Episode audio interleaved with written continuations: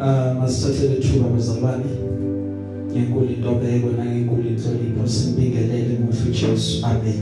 Amen. eh sixolisa bazalwane kancane nje ngokuthi sibe eh, late ngokuthi si si- sibe online bazalwane. Amen. Amen. eh besisakhuleka bazalwane emuhle Jesu. Amen. Amen. Siyambonga ubaba uNkulunkulu othe waphinde wavula umnyango wokuba namhlanje sizobonisana ngezwi lenkosi. Amen. Amen. Praise the Lord. Amen. Sibonge ukuthi niphinde nihlanganyele nathi kuyisande emuhle Jesu bazalwane. Amen. Amen. Sibonge kwabahlanganyela nathi even online ngelihle igama lika Jesu. Amen. eh nabazalwane u engibathumelela injumayelo via WhatsApp ba- bayakhula abazalwane iviki neviki. So ngaloko siyambonga uNkulunkulu.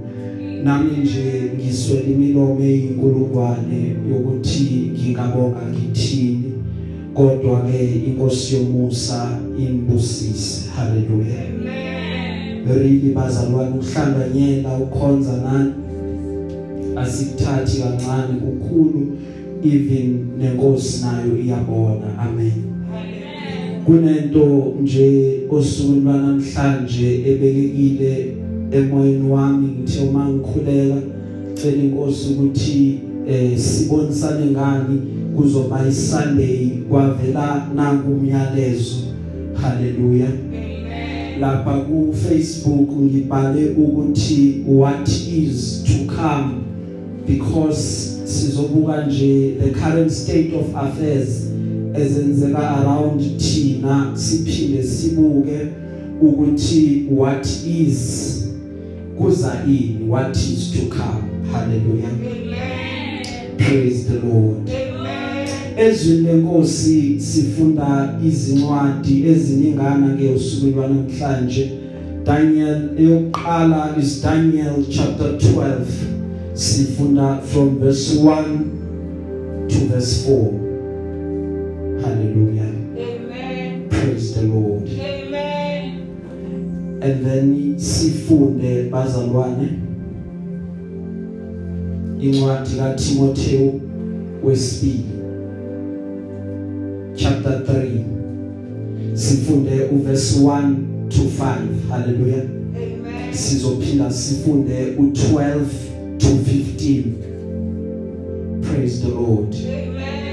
Bese siphinde sibuka incwadi kaMateyu chapter 24 from verse 3 to uverse ka14 emuhle Jesu amen Amen. siyafunda ke bazalwane lithi iBhayibheli kuDaniel Daniel chapter 12 from verse 1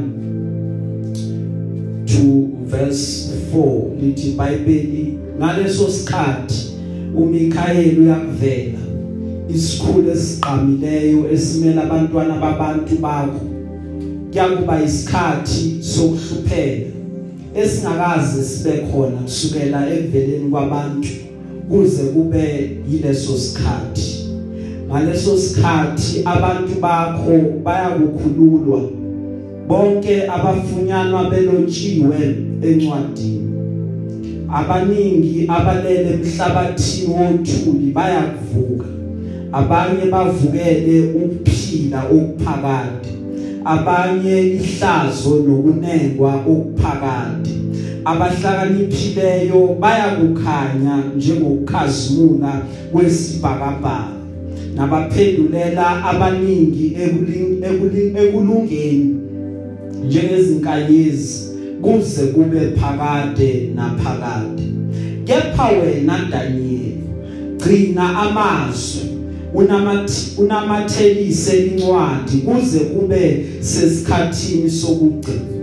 Abaningi bayakwehla benyuka ukwazi bese kuba kuningi. Siphuthume siyofunda ncwadi kaTimotheo wesibili. From verse 1 to verse 5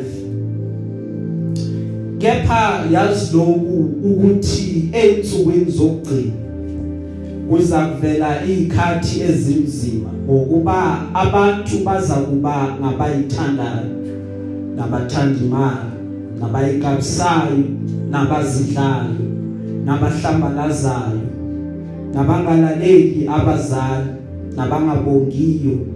Nabahlazisayo nabangenalo uthando nabahlebi nabangazithibi nabangenabumnene nabangathandi okuhle nabakhapheli nabanamawala nabakhukhumele nabathanda injabulo kunokuthanda uNkulunkulu nabanesimo sokumesaba uNkulunkulu kepha amandla akho bewaphika. Labo ke wobagwema sehle sifunda u12 kuya ku15 lithi iBhayibheli yebo bonke abathanda abahamba bathanda ukuhamba ngokumesaba uNkulunkulu uKristu Jesu bayakuzingela. Kepha abantu ababi nabakhohlisi baza kuqhubekeka phambili ebubini bedukisa futhi bedukiswa. Kepha wena yima kulokho okufundile nowaqiniseka kukho. Wazi ukuthi ukufunde kobani nokuthi kusukela ebuntwaneni wazi wena imibhalo engcwele enamandla okuhlakaniphisa kube insindiso ngokukholwa kuKristu Jesu. Praise the lord. Amen. siye encwadini kaMateyu Matthew chapter 24 from verse 3 to verse 14 lithi iBhayibheli esahleze entabeni yeminqubo uJesu abafundi beza kuye bebodwa bathi sitshele ukuthi lokhu kuyakuba nini? Nesibonakaliso sokuza kwakho nesokuphela kwezwe siyakuba yini na? uJesu waphendula wathi kubo qaphelani ningadukiswa umuntu ngokuba kuyakuza abaningi ngegama lami bathi mina nginguKristu badukise abaningi. Niyakuzwa izimpi namahemhemu ezimpi. Bekani ningethuki ngokuba kumelwe ukuba kwenzeke. Kepha ukuphela koba kungakafiki ngokuba isizwe siyakuvukela isizwe nombuso uvukele umbuso. Kube khona indlala nokuzamazama ngomhlaba indawo ngezindawo. Kepha konke lokho kungukuqala kwemihelo lapho ke baya kunikhaphela osizini.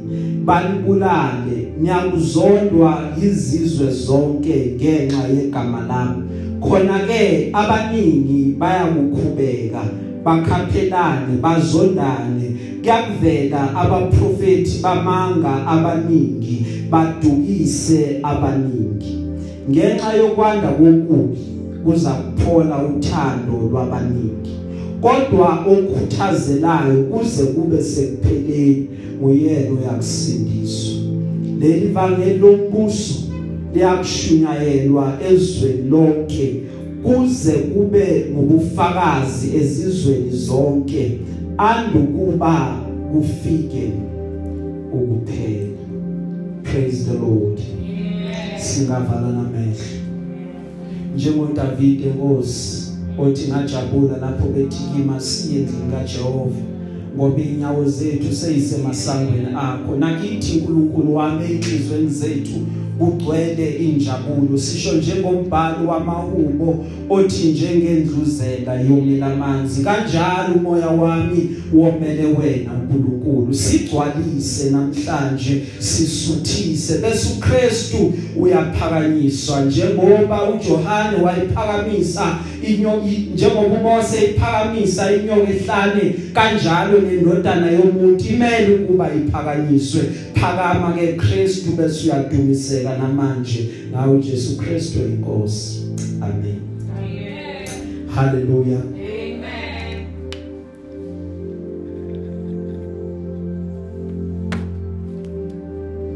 so what is to come kufanele kuba uma uhamba hamba isikhathi kwenzeka izinto kube khona imibuzo evukayo ngokwehla kwezinto. Because life is all about asking and as well as answering imibuzo ethile eyayivuke empilweni. Haleluya most of us kulonyaka asibanga nonyaka omuhle. Most of us kunezinto ezingahambanga ngendlela ebekade sicabanga noma sihlele ngayo ukuthi kuzoba ngaleyo ndlela. Iningi lethu kunabantu esenze nabo ama plans kodwa ngenxa yokuthi lo nyaka it was tough uNkulunkulu wabathatha abasekhe eduze kwethu. Most of us silahlekelwe izinto eziningi ebesicabange ukuthi lezi zinto sizohlala nazo uzoqhubeka zibe khona eduze kwethu. Most of us we are at a point of ukusaba to even plan things esicabanga ukuthi ezekusasa lethu because we have come to the point of realizing ukuthi kahle kahle ikusasa asilazi kahle kahle ikusasa asinayo into esigarantiyayo ukuthi ngempela sizokulibona kahle kahle we don't know ukuthi uma sesilibonile will we be able to survive noma to withstand lezi zinto eziyobe zenzeka phakathi kwalo ngenxa yendlela esiye sashayeka noma esiye salimala ngayo.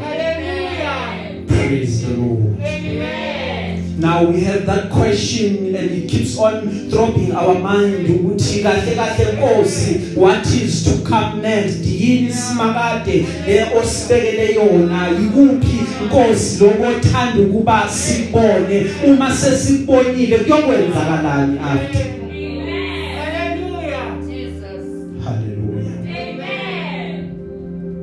Ibandla it's at a point ngingasho ukuthi it's at a, a crossroads la kufanele ukuba liqhubeke liye phambili Amen.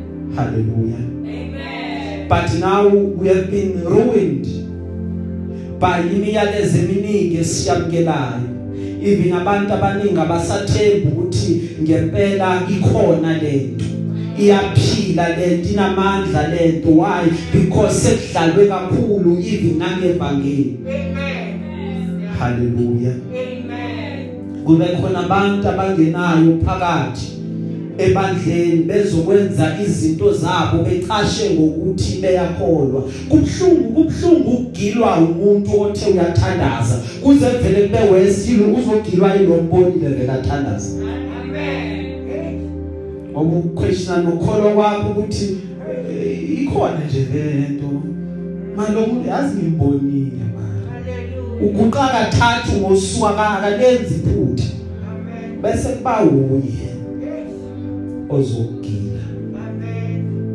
hallelujah Amen. now what is to come ebandleni uthi lokhuluma nami ke what is to come is ibandla the the the four walls that owabonayo that you see. La sihlanganyela khona asesenze ukuba sibe comfortable kakhulu. Ingani? Ngoba asi- asaphumi nanokuphuma kangako sithi siyolanda ini? Imphefumulo. The only thing that runs eqondweni zethu is imali. Singayithola kuphi? Imali ngeza nini sifuna beze kithi asifuna ukuphuma thina siyokubalanda. So what will happen?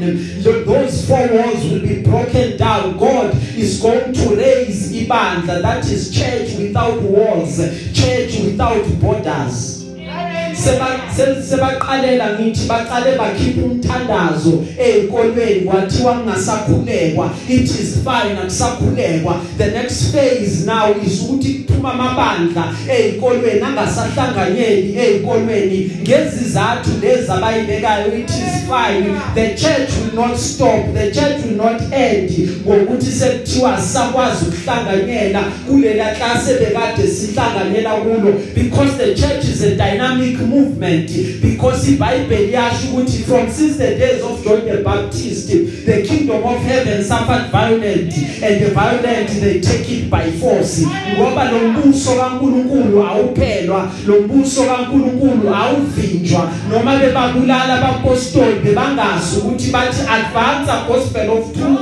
Qhubeka uye phambili because they thought siyayiqeda lento kanti lento ayiqedi kumele ukuba iphilingu naphakade that is why God is in an operation of breaking down the walls.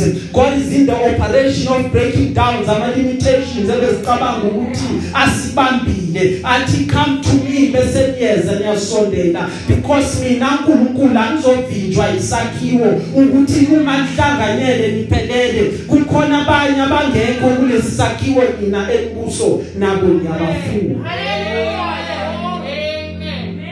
praise the lord So we will come to a church without walls, church without limits because now it has come to eh ukwenzeka kwezinto ngendlela ezenzeka ngakhona. Sikhona izakhiwo kodwa zihleli zisebenza ngama Sunday kuphela. Uma abantu befuna ukuyokhuleka Monday abakwazi ukuyokhuleka. Kodwa lento engene ngaphakathi kwethu iqubuka noma kunini. Kwesisikhathi iqubuka phakathi kobusuku. Kube khona into ekhuluma nawe uthi dumisa ukhuleke kube yiso lesi sikhathi ubabe kuvakashele ezokhulumisana nawe Amen. church without walls Yeah. church without limits Amen.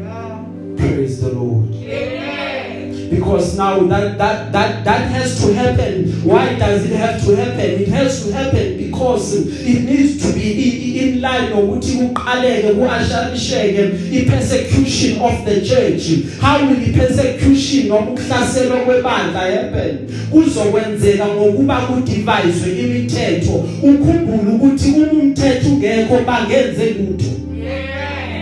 So they will need to devise come up nomthetho ukuthi lo mthetho simshayile wonke umuntu kumele ukuba awulandele for instance Glory. ngenkathi besithumelela amasosha bathi sihlale nje izindle Hallelujah. singaphumi Amen. it was because bokumthetho obekiwe Amen. haleluya Amen. amaphoyisa manje uma ezosesha indlu yakho abamanje athendeka azosesha adinga isesh warrant Hallelujah. Glory.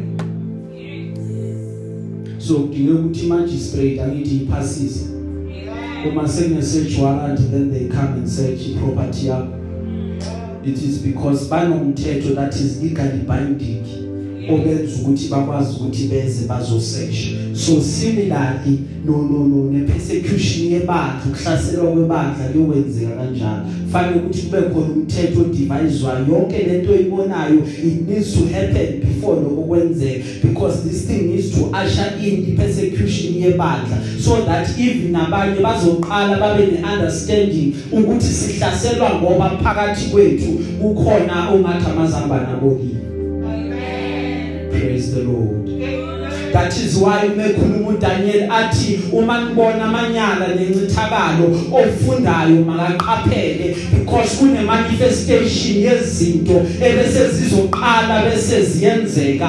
Lithi iBhayibheli uma ulifunda kuba khona usizi olukhulu olungakaze lwabakhona abantu bayophelelwa imisebenzi abantu angeke babe nemali. Iningi labantu liyoba consumed by anger ukuthi manje noma yini sizoyenza why? Because sekuyileso sikhathi. Because we are surrounded by usizi. As a result we cannot even be happy. Bese lithi iBhayibheli abantu they will move from one place to the other. Why? Because sekwande ulwazi. Ulwazi seluluningi Amen. praise the lord. Amen.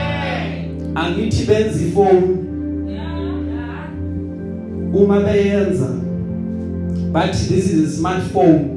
Yeah. i-smartphone siyini i-smartphone siyicomputer ekuyifoni phela Hallelujah. so bathatha icomputer bayifaka efonini bakunikeza yona esandleni sakho. Yini leyo ukwanda kolwazi ulwazi luningi. Abantu baya travel they move to and fro. Bafuna ini they are seeking after knowledge. Praise the lord. Unfortunately ke siyi generation ephila at the time la elithi khona izwi are the last these are the last times. Noma these are the last days. Uma ungabuka ubukusise kahle. Kulezi ikhathi okwenzakalayo abantu bayithanda bona. Kunokuba bathande uNkulunkulu. Athi uPaul umebhaleni uTimothy bathanda ngisho nemali yabo. Kunokuba banake omunye umuntu. Uthuma usenkingeni usengozini. Bavele namakhemera lokhu ngabafonela iambulance bafika namakhamera bazoshuta hlobo lwabantu esesiphila nabo. Praise the lord. Because abantu the only thing ebalekile is self. The only thing that we carve the only thing esiyakhayo is it's all about creating your own self image we want things ezizosenza ukuba sifile kamnandi. Uma izinto come in zizomesa ivibe yethu. We have learned ukuthi sichifte that is why kulezi insuku it is even difficult ukuthi ungamela umuntu ukuthi eze enkonzweni. Uma ummema uthi wozohlanganyela nathi ukuze ukuthi phuma ngobani isikhathi. Aphila kuze ukuthi kumnandi na? Mara mawenza iphathi ha? A akabuzi izinto ukuza nje ukuthi iqala ngobani?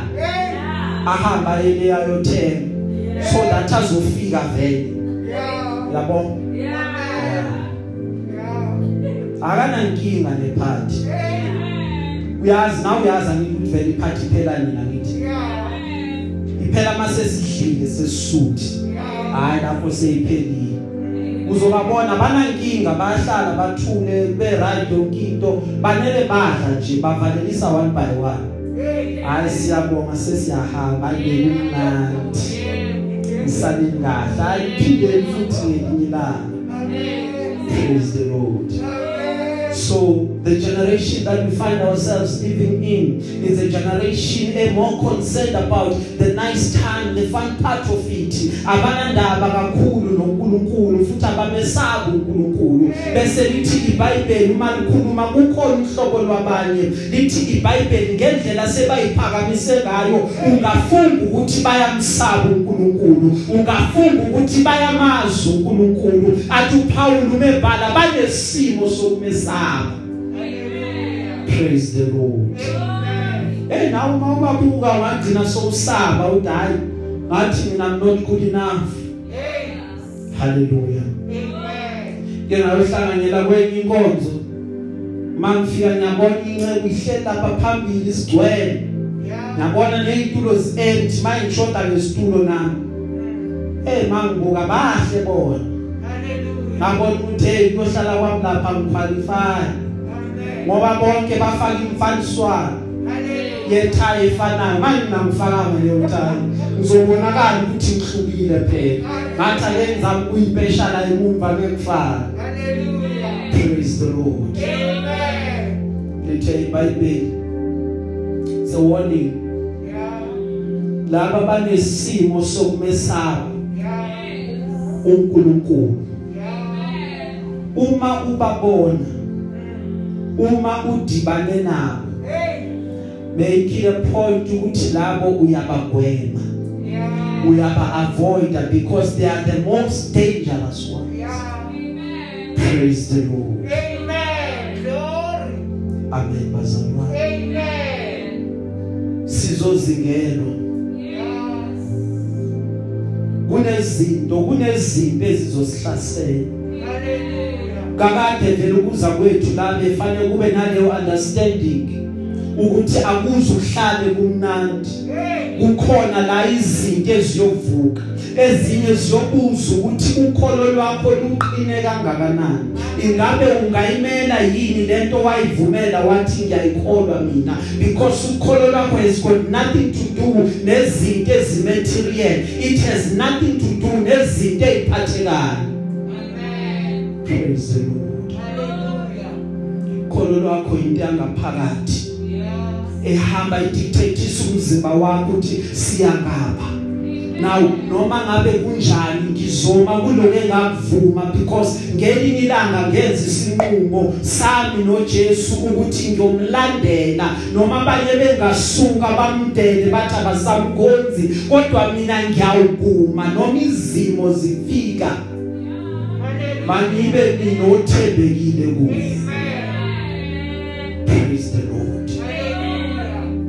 dinge kube nenhliziyo ezokwazi ukubekezelela lesi sikhathi kuningi ukukhubeka okuzayo Hey. kuningi ukukhubeka osazokuthola even kwasanawe but hang on ithemba likhona lithi iBhayibheli ungaqali bese uyayiqhathanisa ungaqali bese uyicompare nababa because iyodwa into ozokuyibona uzobona beqhubeka bephakama uzobona beqhubeka beadvance uyibuza ukuthi kanjani ingabe ngonile yini mina kuNkulunkulu because ngathi kimi kubukeka kumnyama no it is because kwenzeka kwezinto zesikhathi praise the lord Amen. Glory. Uma uma uma wena mnento wayifunda Yes. okuyimibhalo yezwi lakaNkuluNkulu Hallelujah. ekwazi ukuthi kwahlukaniseke Yes. hlala kuyo Amen. umthandazo wami ukuthi nalabantwana abancane bakhulayo sibafundise imibhalo yezwi lakaNkuluNkulu. Akhule nje azi ukuthi izwi lakaNkuluNkulu alikusho lokho so that noma esekhulile kuzoba yizwe likwazi ukuthi limqhekise ezintweni ezibi ngoba noma engasuka aye kuphi uma nesisekelo sezwi uyokwazi uma athi angikwazi ukuthi ngidisappoint uNkulunkulu because uyangibona noma ngabe ngikuphi. njengoJosepha lithi iBhayibheli wahamba uma esefika eGibhithe lithi iBhayibheli umkaPotifar uma esemkhanuka lithi iBhayibheli wabaleka uJosepha wathi angikwazi ukuyingcolisa mina wathi sondela Josepha abantu ababona kunamuntu sibabili wathi cha cha angikwazi ngoba izulu liyabona Hallelujah. Amen. bebangekho abazali bakhe Yeah. kodwa lento equbuka kuye ngaphakathi yathi no Joseph akusiwe Hallelujah. uma ulithola usemncane Yeah. yakwazi ukugcina Glory. athi ohlabelelayo uJesu yamgcina umuntu omusha Yeah. yakwazi ukugcina uNkulunkulu Glory. praise the lord Glory. babuke bonke sebaphenduka Yeah. Uthi mina ngizoma kuze bese kugcineni Yeah. ngoba ngiyakholwa yilo engihamba naye Hallelujah. makabongwe uNkulunkulu Amen. praise the lord Glory. yima kuloko okufundile Yes. yima kuloko okutholile Amen. ikona usuku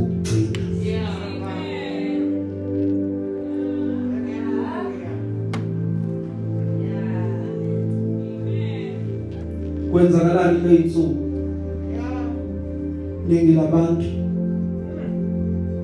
ababi nemali. Imali it's as if ibekwe kubantu abathile. And imali it's a commodity or a medium of exchange.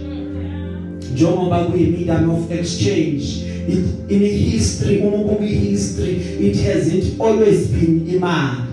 But kwaqala kuyinkomo kuyimbuzi nani nani uma ngidinga ukuthile kuwe ngiletha imbuzi yami bese ungiphe kona. Kuyindlela that we exchange. Until money and until ba introduce imali then imali yashintsha everything angithi imedium of exchange wangasabi inkomo nezimbuzi but imedium of exchange waqala kwaba imali ngoba manje bathi abakhulumayo basemzansi Afrika le mali le esenobuso bomuntu ngathi seyiphela kakhulu bekungcono le bekade ngeyilwana Hallelujah. ngoba uhamba ne100 rand uye store uyothenga kube into ezi3 mawunenhlanhla uzobuya na 4 Yes. so imali yakho iyancipha baze bathi abanye i100 rand fana ukuthi 1 rand lomuntu omdala Yeah. amen bazalwane Hallelujah. as money is decreasing kuya kuya kuya kuya kuya then the value of money nesisayibona ukuthi what is the value of money then they begin from time from while back they introduce online shopping. Right now by introduce ama virtual cards that you don't need ukuthi uphathe imali lephathekayo why? Because they are trying to ukususa that value yemali. Izogcina ingasekho. The only thing eseyibalekile ukuthi efonini yakho you can do all these transactions. And then bese beyaqala they introduce virtual coins for everyone. Imali amaphepha kuya kuya ayisasebenzi. Ophethe imali yokumangalela shaya ifoni Yeah. sakwenze transfer wenze transfer. Why all these things have to happen? Because they have to usher in the end. The end ayizukwazi ukufika until lezi zinto zenzeke. Amen. okwakho ukuthi wenze njani? Ume. Hallelujah.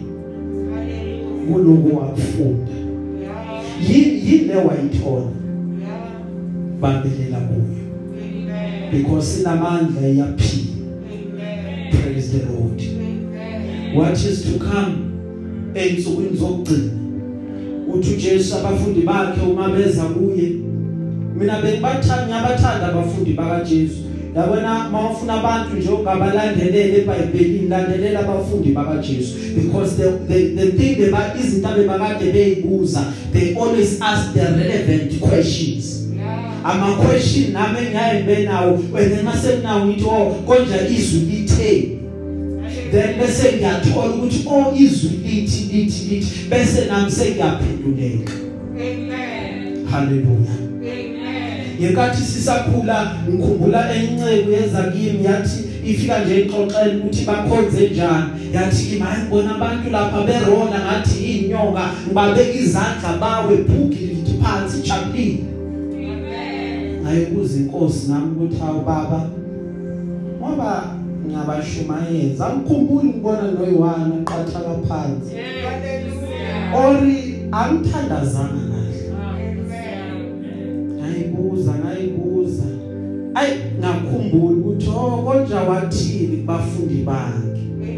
Angithi bafika kuye bathi inkosi sesibakhulekele. Baba sijabule sithe masibakhulekela kwaphuma amadimoni kwenzeka yonke into kwaba mnandi emoyeni wethu khona bawile khona bavukile yonke le. Wathi uJesu ningakhuthaleli noma ningathandi ukuthi amadimoni anithobele.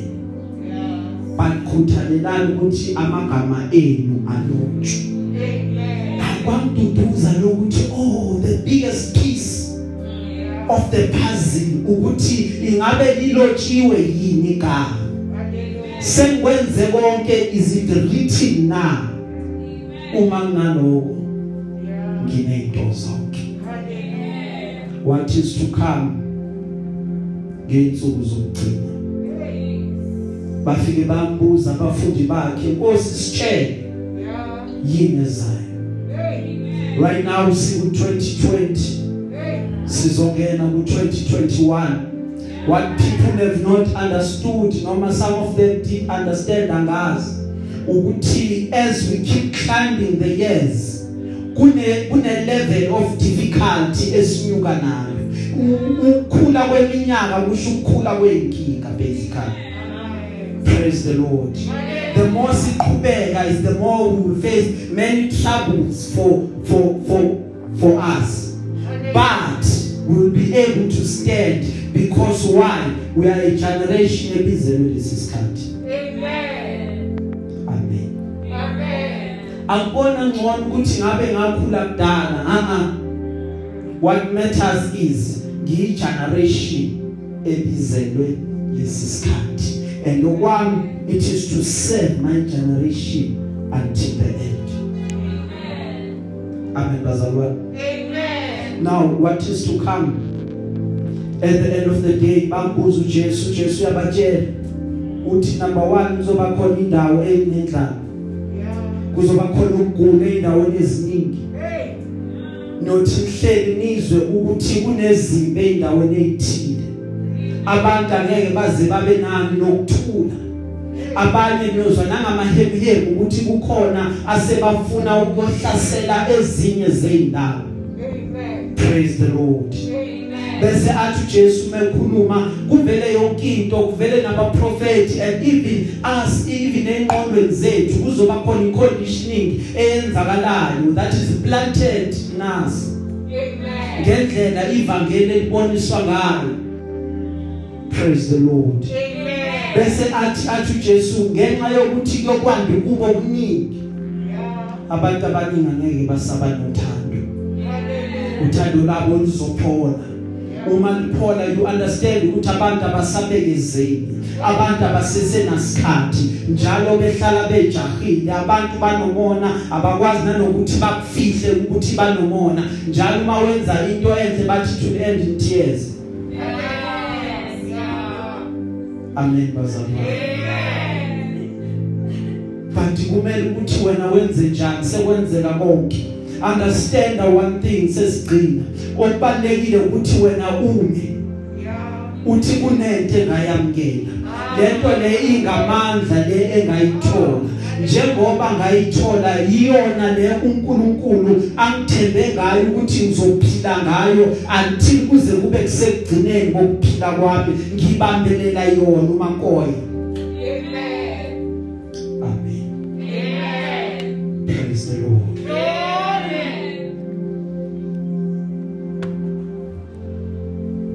ngibambelela le engayamkela Yeah. Bese bese uyafunda ukuthi ungayihlanganisi nezinto. Kunabantu edinge ukuthi ungahlangani nabo na- na- na- nangokwengxoxo yenu. Iconversation Yeah. ngoba bazophithanisa le uyazi. Amen. Makholo uthi uyazi umuntu afika azokutshela uthi uyidoubt and ayi nathi ayikho. Vele le yakhe le yakhe ngathi ukanselakelahle Hallelujah. Because lithe iBhayibheli ngezinsuku zokugcina kuyoba khona laba badukisayo nabo bedukiswa ngoba ukwazi ukudukisa ungaqalanga kwadukiswa wena Hallelujah. praise the lord Amen. thandazo wami uthi inkosi sisize Hey. si understand ukuba yes imali siyayidinga kodwa nangelodwa ilanga singatholakali sesikhonza. Hey. Baningi benze izinto eziningi ngenxa yesisu. Ngenxa yokuthi ngilambile ngidinga imali. Ngingenza noma ngayini ukuze ngiyithole. And uma sebeyitholile bese kukhika in in greed ukuthi what i have is not enough i need more. Uma beqala that i need more then wenza izinto tricks to acquire all that wealth. Hey, Jehovah. But Christ said impilo yomuntu ayiconsist kwiabundance yezinto anazo Amen. kusho Kristu Amen. praise the lord Hallelujah. ivangeli bazalwane asiliphatheni kahle bengizosho lokho siphathise okwezikhali zamantuba Amen. haleluya. Yafelwa lento Amen. yona yonke into ebengayenza ngiyamcela uNkulunkulu ukuthi siza mina Nkosi Hey. uma sengishilo ngavuma ngathi ngihambisa ivangeli siza mina ukuthi uma ngili representa komunye umuntu ngili represente kahle Amen. A- alifune levangeli lami Hey. Uma ngathi akalifuni okwakhe lokho but kungabi khona into kimi emenzile ukuthi athi hayi lo uNkulunkulu wakhe ngiyambonga shem Amen. ngi right nje Hallelujah. ngani ngenxa yokuthi mina ngenkathi nginaye bekade ngenzani Amen. praise the lord Amen. it doesn't mean ilingayifiki Yeah. it doesn't mean ukuthi ukuthakathaka kukho ezinye zezinto ezizivukelayo endleleni izinto eyishining labantu for lesisikhathi uthi uma uyibuka uyibone ukuthi lento is common bonke abantu okuthiwa bayawa enkosini bawa nganansi into nayo. But uyamcela ubaba uNkulunkulu ukuthi Jehova ngidedise kokubi so that uma ngivela ngithi I represent you. Kubonakala ukuthi I represented you very well. Amen. Ngoba bazalwane okhuthazelayo. Yeah. nguyena lo oyakusindiswa. Glory. khuthazela kuze kube sekugcineni. Athi uPaul mebhala senikwenze konke bese niyama. Sezinehlele izinto nezimpi zafika kini. Selikhalile inyembezi ngicela nenze into eyodwa. Bese niyama nyamethemba uNkulunkulu ukuthi uyakugcina. Amen. praise the lord. What is the solution Hey. sesigcina Yeah. liyini ithemba lomuntu ongena Jesu Hey. lapho imihla yakhe seyinquma Ah. sekuthiwa it's done Hey. what is our solution Hey, Joe. ikhathi zinzima Siza mama. Hey. Abantu abasalisaba uhlazo Mm. uma ubuka kahle loya naloya uconcerned about ukuveza uhlazo lomunye umuntu akamkhavara omunye umuntu Yeah. uma bezwile ukubuhlungu okulimazile bakuthatha bawuhlekisa ngabo Hey, Lucia. nimbonile bekathi yophelelaphi Hey, Joe. mara sasho Siza mama. sathi akayi kuyogcina kamnandi Glory. It is as if abantu bahleli bagade ukuthi uhluleka nini so that bezoqala bashaya izandla ba celebrate ngathi uNkulunkulu angabenza ukuba balinde ingona phakade ungahluleki wena noma kuyini ozoyenza noma kuyini ozoyiqala uvela ukuthi angiqali into eyihlulekayo? Angiqali into eyifayo? Yonke into eyiqala iyaphakama iyadlondlobala iyaphambili. Praise the lord.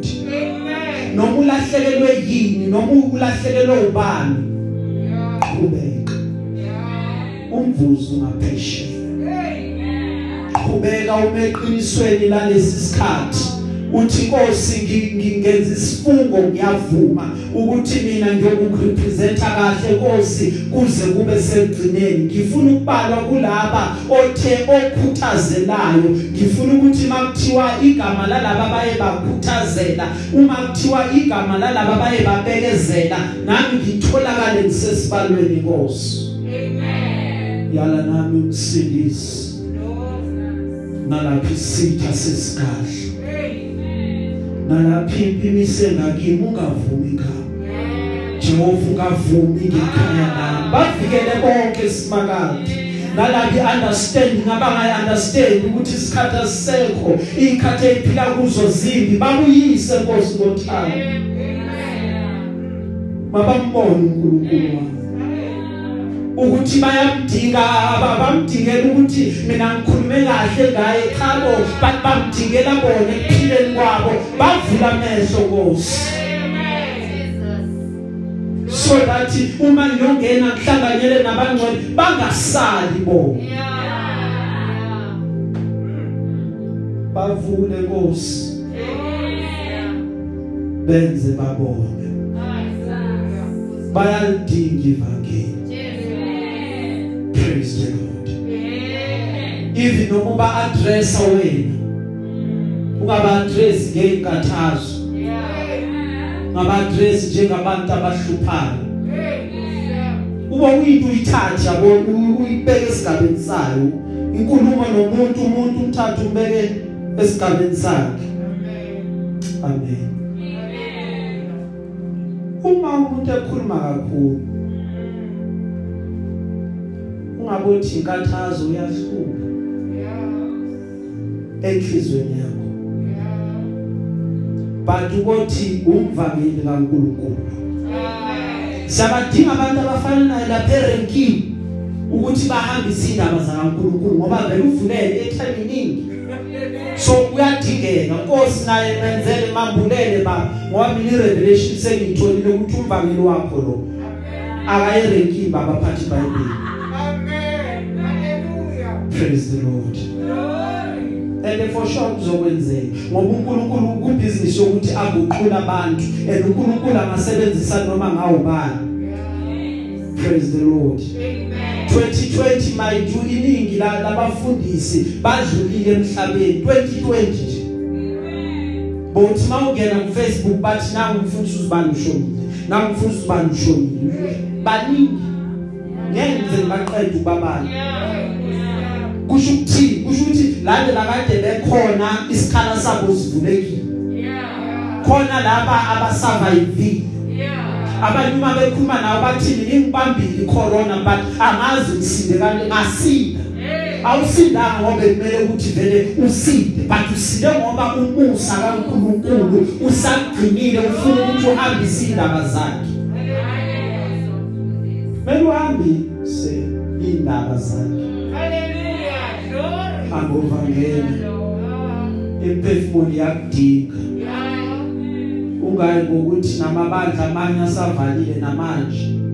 Hamba ushumayela Theo Jesu mekhuluma wathi noma nibabili noma nibathathu awudinge isixuku wena. Udinga ababili noma bathathu. Inkonzo iyavuka praise the lord. Amen. ngathi thina kithi ivuka uwedwa ke kangakanani mase nibabili noma nibathathu Hallelujah. Ngoba kuyoqhuma irevival eyisimanga khona la Glory. praise the lord Amen. makakusize uNkulunkulu Yeah. khuleko wami ukuthi akugcine Yeah. akugcinele lesi sikhathi Amen. sewenze konke Hey. abe nomusa kuwe Hey, Jehovah. ungadukiswa izinto ezenzakalayo khulekela ukuthi ube nezimpande ungabe uthathekile because uJesu bekasholo ukuthi ingaba bothathekile ngiyakuzwa abantu bevela bathi mina ngumsindisi uvele ngapha ngasentabeni yizani? Athi babuke nje ningayinokuya la. Praise the lord. Amen. ihlala ngigcina usimakade. Yeah. angigcinele lesi sikhathi. Hallelujah. nibambelele eqinisweni lakhe Yeah. ukuthi baba wena ubushilo yiloko siyakuhlala kuko Amen. it is not wrong bazalwane Hey. but kufanele ukuthi kube icustom yethu Yeah. noma sizwe ini kulezi insuku bathishiwo uNkulunkulu uhambe yombuza Yeah. ushilo yini simakade Hey. Ingabe lokuyiqiniso yini? Because why? When when when indaba isapheleli kuwe kuphela but iphinde ifake nalabo sondelene nabo because abanye bayoduka bengazi kanti baseduze nawe kanti uJehova ashongo Glory. kungcono ke laba bayiphumela ngoba bethanda angeke uzubenze lutho. Bantu kubalekile ukuhlala eqinisweni Hey. praise the Lord